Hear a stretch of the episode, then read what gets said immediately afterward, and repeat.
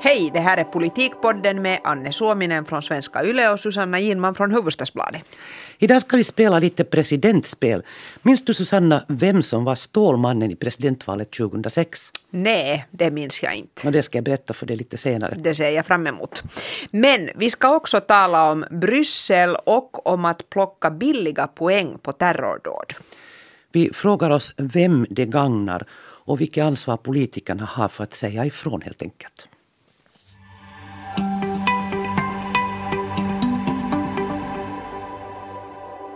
Men vi börjar just precis med de här billiga poängen och, och terrordåd.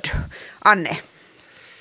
Det var ju ganska slående tycker jag när man följde med Facebook och andra sociala medier, Twitter, eh, omedelbart efter eh, terrordåden i Bryssel så gick eh, sannfinländska politiker ut med uppdateringar som eh, försökte kanske vara något slags humor där de noterat att okej, okay, på måndagen före terrordåden så har vi firat en antirasistdag, vi har en antirasistvecka på gång. Och det här var nu då säkert eh, efter festen till den här antirasismdagen.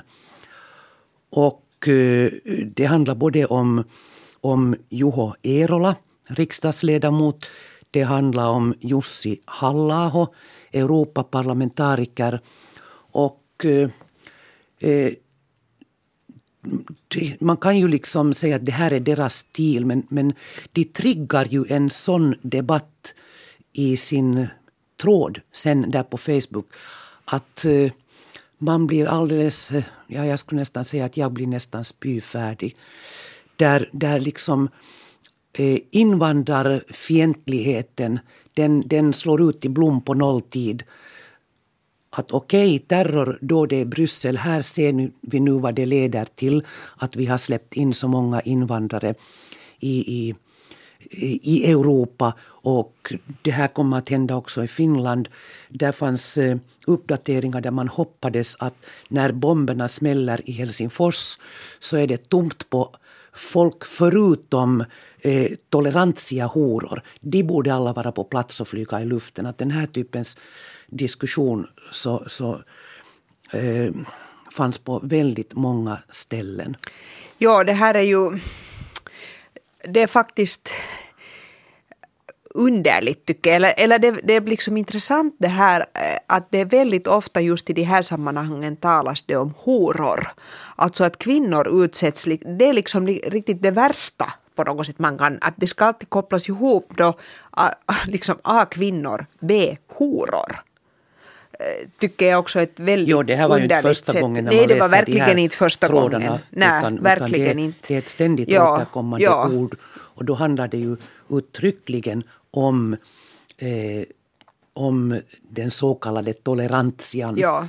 Det här ordet som de, de, Ja. de då har hittat på Ja, själva. jag, jag var glad ö, när jag läste i, till exempel i Helsingin Sanomat hur ö, Kari Huhta skrev en sån här kolumn där han det har skrivits många sådana här men, men, men han tycker på ett väldigt bra sätt påpeka att, att det där att, eh, att det är så att säga inte det finns inte några extrema eh, poler i den här debatten. Att det finns liksom inte den här rasismpolen och sen den här antirasismpolen och att de är på något sätt lika illa. Mm. Så är det ju faktiskt inte. Mm. Men, men det är ju lite det intrycket man får och det är ju verkligen inte humoristiskt det här som de här skriver under den texten, alltså de här sannfinländarna, en, en del sannfinländare. Och om vi går in på den här diskussionen vem det gagnar. De eh, vill ju bara, eh, hur ska vi säga, trigga och eh, uppvigla till ännu mera invandrarfientlighet. Och, och det, det lyckas de säkert också i någon mån åtminstone. Men om, om vi tittar på, på olika forskare hur de bedömer det här så, så till exempel eh, vår fin, här i Finland, vår kanske främsta forskare eller expert på terrorism och eh, terrororganisationen IS, eh, Hussein Altae, så, så har påpekat att ett av IS IS. IS, IS eh, mål helt enkelt är att med sina terrordåd och sina bomber i Bryssel att, eh, hur ska vi säga, skrämma upp de här flyktingarna som har kommit hit.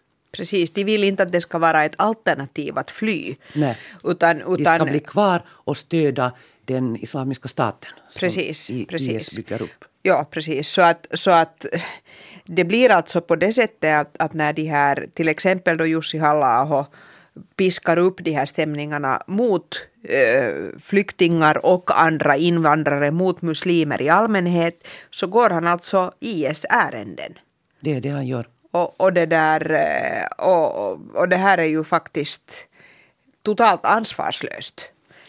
Och det har man ju desto om man sen drar det lite längre ännu, så, så, om man tänker på det här med integration, som ju är jätteviktigt för dem som av en eller annan orsak landar, till exempel i Europa, kommer från något annat land och, och, och, och börjar bo här. Att, att man då så att säga blir integrerad och där spelar det ju en jättestor roll, har det visat sig, att man känner sig välkommen.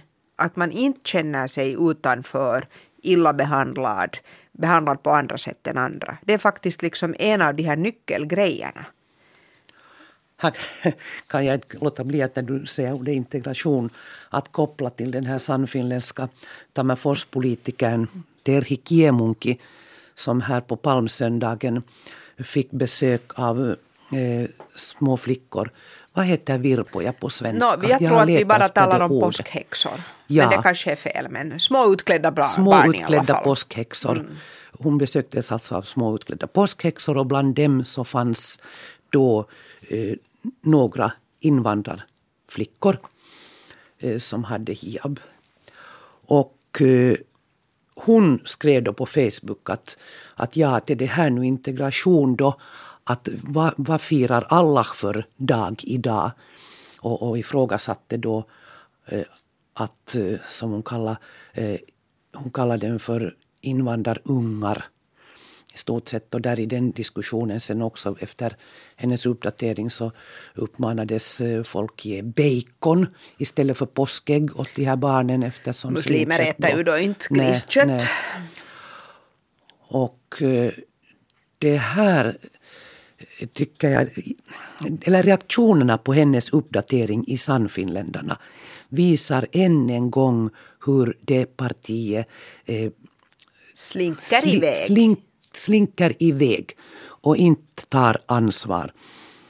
Eh, Terhi Kiemunki så är känd från förr för att uh, vara eh, mycket invandrarfientlig. Hon finns med när Suomen SISU-organisationen. Hon hörde faktiskt till dem som per e-post fick eh, Breiviks manifest av honom alltså. Då när han skulle göra sitt, utföra ja, sitt attentat Ja, strax före, ja, före attentatet på Utöja. Och hon spred det vidare. Nåväl, nu arbetar hon som medarbetare till riksdagsledamoten Lea Mäkipää. Och eh, i Sannfinländarna då så har partisekreteraren Rika Slunga Poutsalo sagt att jo, det här var inte så bra, liksom, det här kan man inte godkänna, sådana här Facebook-uppdateringar. Om man är invandringskritisk så är det ändå oacceptabelt att man involverar barn. Det här kan man läsa som så att det är okej att involvera vuxna. Att med, annars får man nog vara invandringskritisk ja, och främlingsfientlig. bara man lämnar nu barnen i fred. Mm. Timo Soini han tyckte att Slunga har sagt det som, som behöver sägas. Han har ingenting mer att säga. Lea Mäkipää, riksdagsledamoten, så säger att Kiemunki nog får fortsätta. Hon ska få en andra chans. Och så har man liksom klarat av det här ja. nu. Ja, nej, det, det, är verkligen alltså fegt. Och det är just precis så här tyvärr som, som Sannfinländarna hela tiden har gått tillväga. Och jag noterar också att den här Terhi Kiehunki själv då när det blev lite sån uppståndelse, så, så, så då, jag vet inte om hon skrev det på Facebook eller om hon sa det till någon att om jag har sårat någon hon skrev på Facebook, så ja. ber jag om förlåtelse. Det vill säga igen implicerande att, att egentligen så borde då, skulle inte ingen ha rätt att bli sårad. Nej. Jag menar det är väl Nej. uppenbart att, att hon verkligen har såra någon. Jag kom att tänka på här eh, eh, äh, härom veckan när eh, den här Samlingspartiets Jan Vapaavuori var på besök i Finland. Han gav ut en, en bok. Och, och, det där, och, och där tog han, tar han faktiskt upp äh, det här fenomenet som få andra politiker tycker jag har tagit upp. Att det där hur andra partier har sannfinlandiserats. Att han tycker att det stora problemet, och jag håller med, eh, med sannfinländarna är det att de påverkar andra partier. Och det är ju just det som så att säga är så farligt att när man tillåter sånt här och liksom låter sån här främlingsfientlig eh, propaganda och sån här slasktrats, eh, man kan inte ens kalla det information utan fördomsspridning. Man låter det gå vidare så tyvärr påverkar det ju alla andra. Och, och på ett sätt som man kanske tror att man plockar poäng, men vad man gör är att man hela tiden liksom ökar toleransen för sådana hatiska uttalanden och sprider alltså hat och, och fördomar omkring sig. Och det är o, det kan man ju inte tolerera. Alltså jag är hemskt besviken på många av våra politiker. Ja, och jag, jag menar, nu efter Bryssel Eh, dåden så har givetvis alla politiker gått ut och fördömt det. Alla är fruktansvärt upprörda. Men ursäkta. Men jag skulle faktiskt vilja se dem också analysera eh, det här med att vad leder till vad, hur kan man åtgärda och eh, var ligger den här främlingsfientliga debatten, vem gagnar den? Jag menar för den diskussionen som till exempel forskaren Hussein Altae har, har gjort. Han vädjar, han vädjar i A-studio i TV eh, häromdagen, han vädjar till politikerna att de inte med sina egna ståndpunkter ska stärka terrororganisationen IS, IS ställning genom att spela liksom i deras händer. Och att eh, eh politikerna istället borde ta den här diskussionen nu om, om vad är hönan och vad är äggen. Och, och eh, alltså resonera på ett, hur ska vi säga, det här folket är ju inte dumt. Vi kan ta in saker. Alla kanske inte vill. Ja. Men, men vi har liksom rätt till politiker som för en ärlig och saklig diskussion om det här och inte bara nöjer sig med att stiga upp och fördöma ett terrordåd. Mm. Viktigt och absolut nödvändigt i sig. Precis. Men jag tycker inte att det räcker. Nej, precis. Jag tänkte ta ännu ett exempel, är faktiskt inte en sann finländare, utan samlingspartisten Ville Rydman.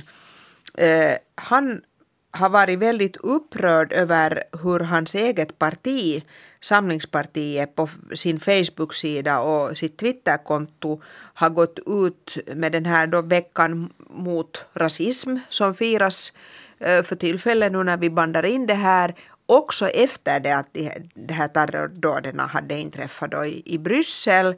Och eh, han går faktiskt väldigt hårt ut mot de, de, mot de partiens anställda eh, på kommunikationssidan som, som så att säga... Alltså på partikansliet? Hade, på partikansliet, sina egna eh, anställda och det där och han har inget förtroende för dem skriver han. Han tycker alltså att man inte att det på något sätt är till och med sårande att, att efter att de här terrordåden har inträffat att man skriver om antirasism. Och, och då tycks liksom logiken på något sätt vara den att det, att det liksom finns fog för rasism på grund av att de här dåden har utförts. Uh, vilket jag personligen uppfattar som en väldigt, kon, väldigt konstig logik. Men det där också han uh, har fått understöd uh, på sin Facebook-sida när han har skrivit det här Ehm, och, och, och, sprider då liksom också, tycker jag, det här tankesättet vidare. För det här handlar ju inte om, terrorism handlar ju inte om ras, såvida nu ras här då ens mera finns, eh, eller kan, man kan använda ett sådant begrepp. Det handlar inte om religion. Det handlar om helt andra saker som utslagning, krig, fattigdom och sånt här.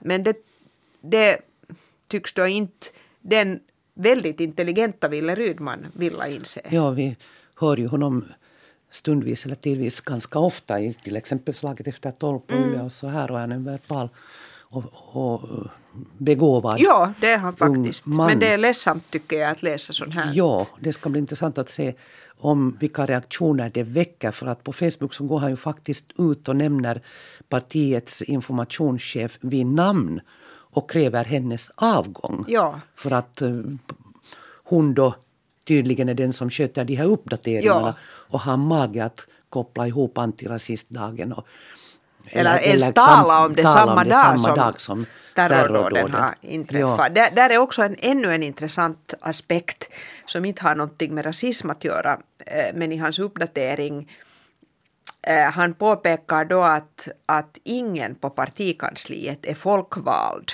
och att, att, att man ger uttryck för någonting som inte har stöd i Samlingspartiets riksdagsgrupp.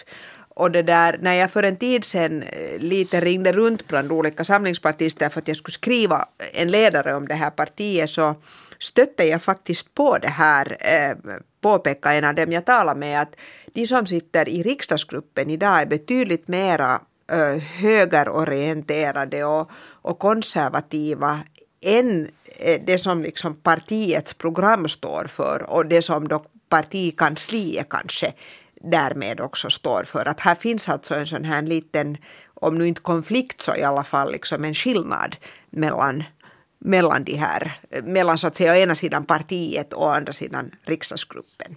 Och det kan ju vara intressant att någon gång återkomma till det. Men, men, det där, men då gav också Ville Rydman alltså uttryck för den här, Ja. eh, den här skillnaden. Ja. Nåja, Nå, men om, om vi ännu talar lite om Facebook-uppdateringar i anslutning till terrordådet och eh, rasismdiskussionen här hemma så noterade jag häromdagen en, en uppdatering av Socialdemokraternas ordförande Antti Rinne som gjorde mig lite beklämd, kan jag kanske säga. Det var så att, eh, att eh, Yle Ettans morgon-tv eh, intervjua en mamma och hennes 11-åriga son, Valtteri. Han var adopterad från Sydafrika. Och han berättade väldigt öppet om den rasism som han utsätts för. Och eh, det, det, var, det var ganska hemska saker. Ja, och det har väckt mycket uppmärksamhet. Och, ja, och det är sällan barn vågar berätta om det för att eh, ofta säger föräldrarna också att, att hej, att is inte bry dig och ta det lugnt, is inte bry dig och de får kanske det intrycket att det här är någonting man inte ska tala om. Nåväl, men han, han talar om den här rasismen väldigt, väldigt öppet. Eh, Antti Rinne skrev på Facebook en uppdatering där som börjar med att han är väldigt glad att kunna notera att eh, ordföranden för Adoptivföräldrarna, föreningen och mamman till den här Valtteri hör till den socialdemokratiska familjen. Sen kom han in på Valtteri och uttryckte sin, sin eh, sorg över att barn behandlas på det här sättet. Jag fick en sån här känsla av att nu utnyttjas Valtteri för socialdemokratiska ändamål. ja, på tal om att plocka poäng. På tal om och att barn. plocka poäng och barn. Ja, det var kanske inte riktigt snyggt Det gjort. var, jag tycker det var rent ut sagt smaklöst. Ja, precis. Men det där, ska vi tala lite om presidentvalet nu? Det ska vi göra. Det där, det är ju alltså... När vill du att jag ska komma med mitt avslöjande Just om vem det, som var du kunde börja med det. Två- 2006. Det var så att 2006 i presidentvalet så ansåg Centerns ungdomsförbund att de ska dra igång en egen kampanj för Centerns presidentkandidat som var Matti Vanhanen och lansera honom som den nya Stålmannen. Och jag har lite, jag har glömt, jag hade glömt det här. Jag, jag hittade när jag lite googlade på valet 2006 då Matti Vanhanen, han är ju kandidat nu igen Ja. troligen. Eller kandidat-kandidat. Ja, då han då var kandidat så jag googlade lite på det och, och jag ursäkta nu men jag började gapskratta. Matti Vanhanen som Stålmannen har jag väldigt svårt att föreställa mig. Jag menar, då, då låg han i, i skilsmässa strax innan han då blev kandidat och eh, jag minns att hans fru eh, beskrev den här skilsmässan som att det är en det är två gråa människor och en grå skilsmässa, ungefär så Ja, här. precis. Och han, han är ju väldigt, ska vi säga, grå. Ja, även om det sen då efter den där skilsmässan så överraskar han ju på olika sätt. Eh, Men det ja, där, det ska vi det inte gå in på nej. nu.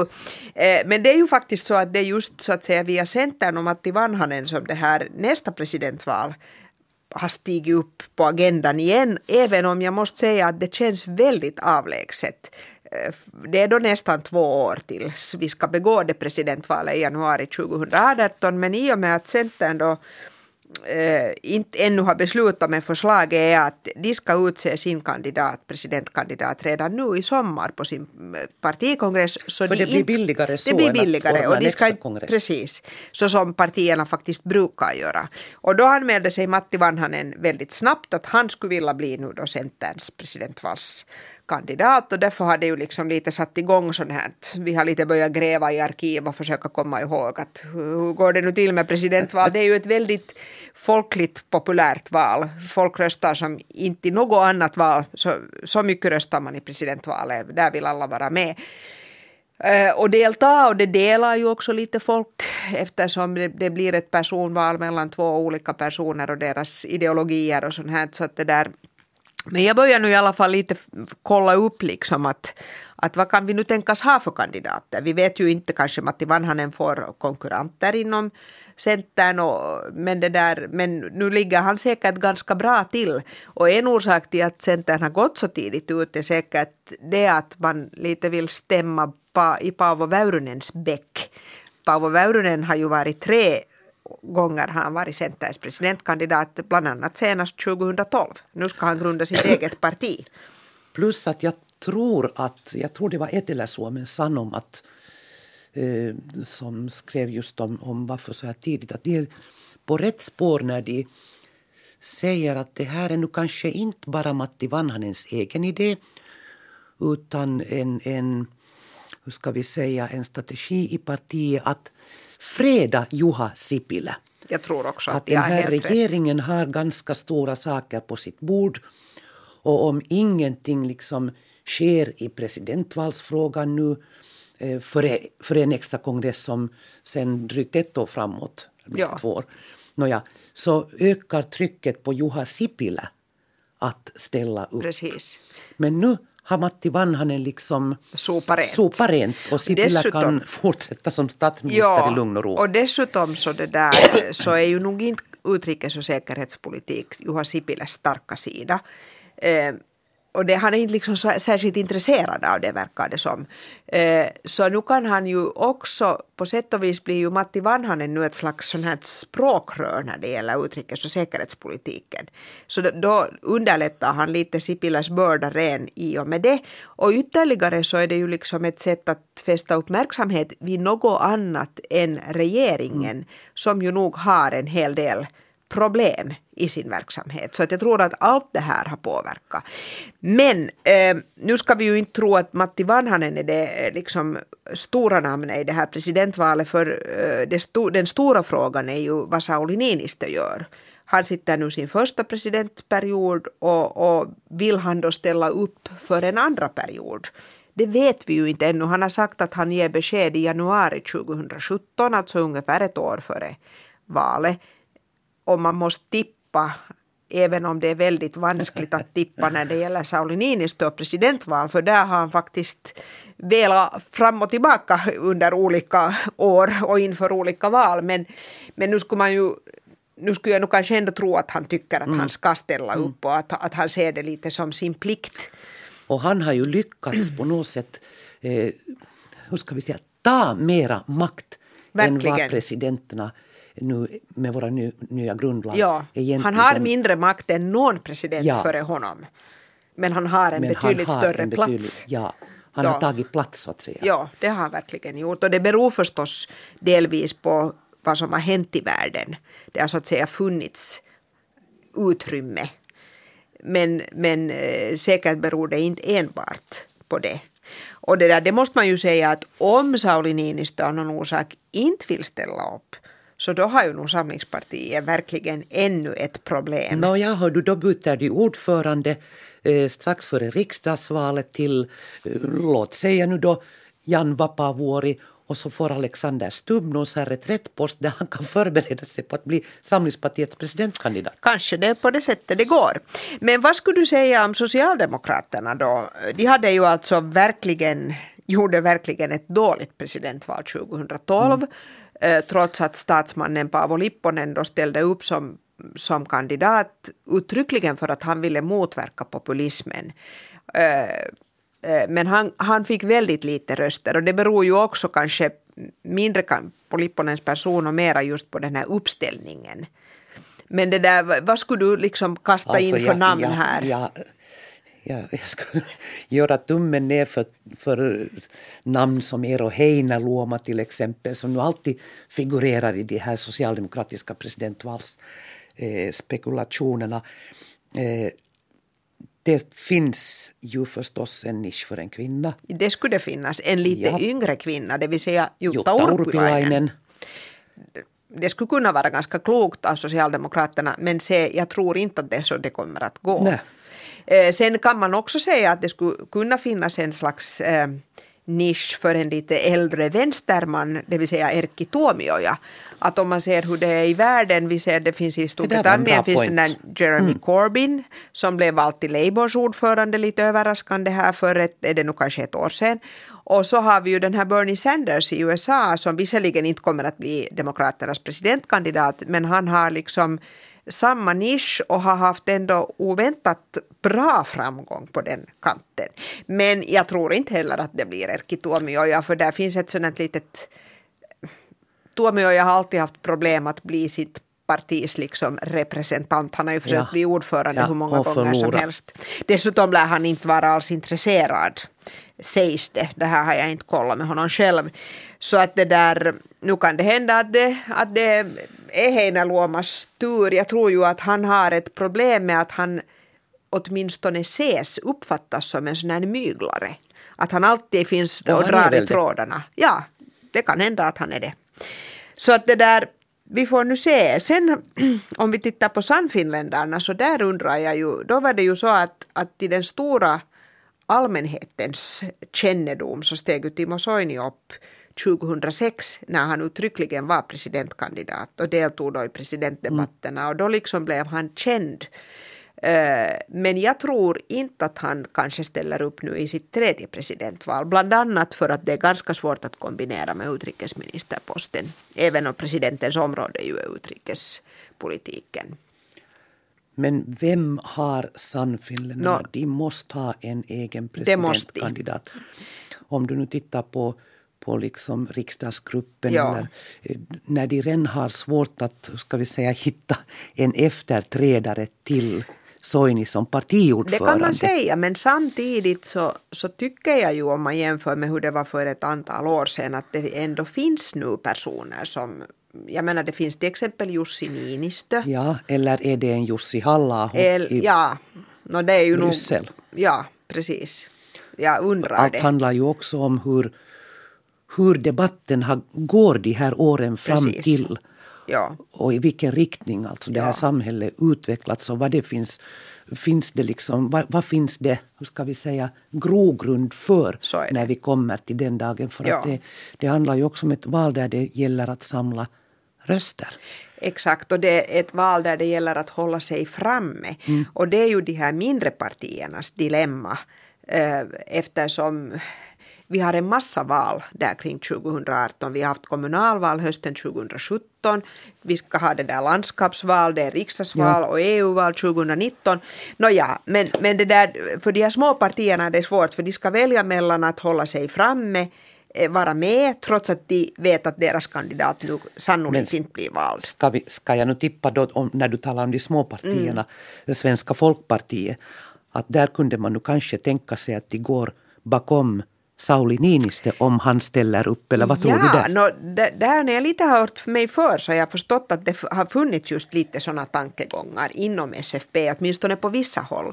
Men att eh, man blev lite avskräckt efter det här Sauli Niinistös tal vid riksmötesöppningen i början av februari att även om, om, om det nu sen blev lite klarare vad presidenten menade när han höll sitt tal som var ganska möjligt att tolka på olika sätt så har det, lär det i alla fall lite ha avskräckt. Men vi mm. får se.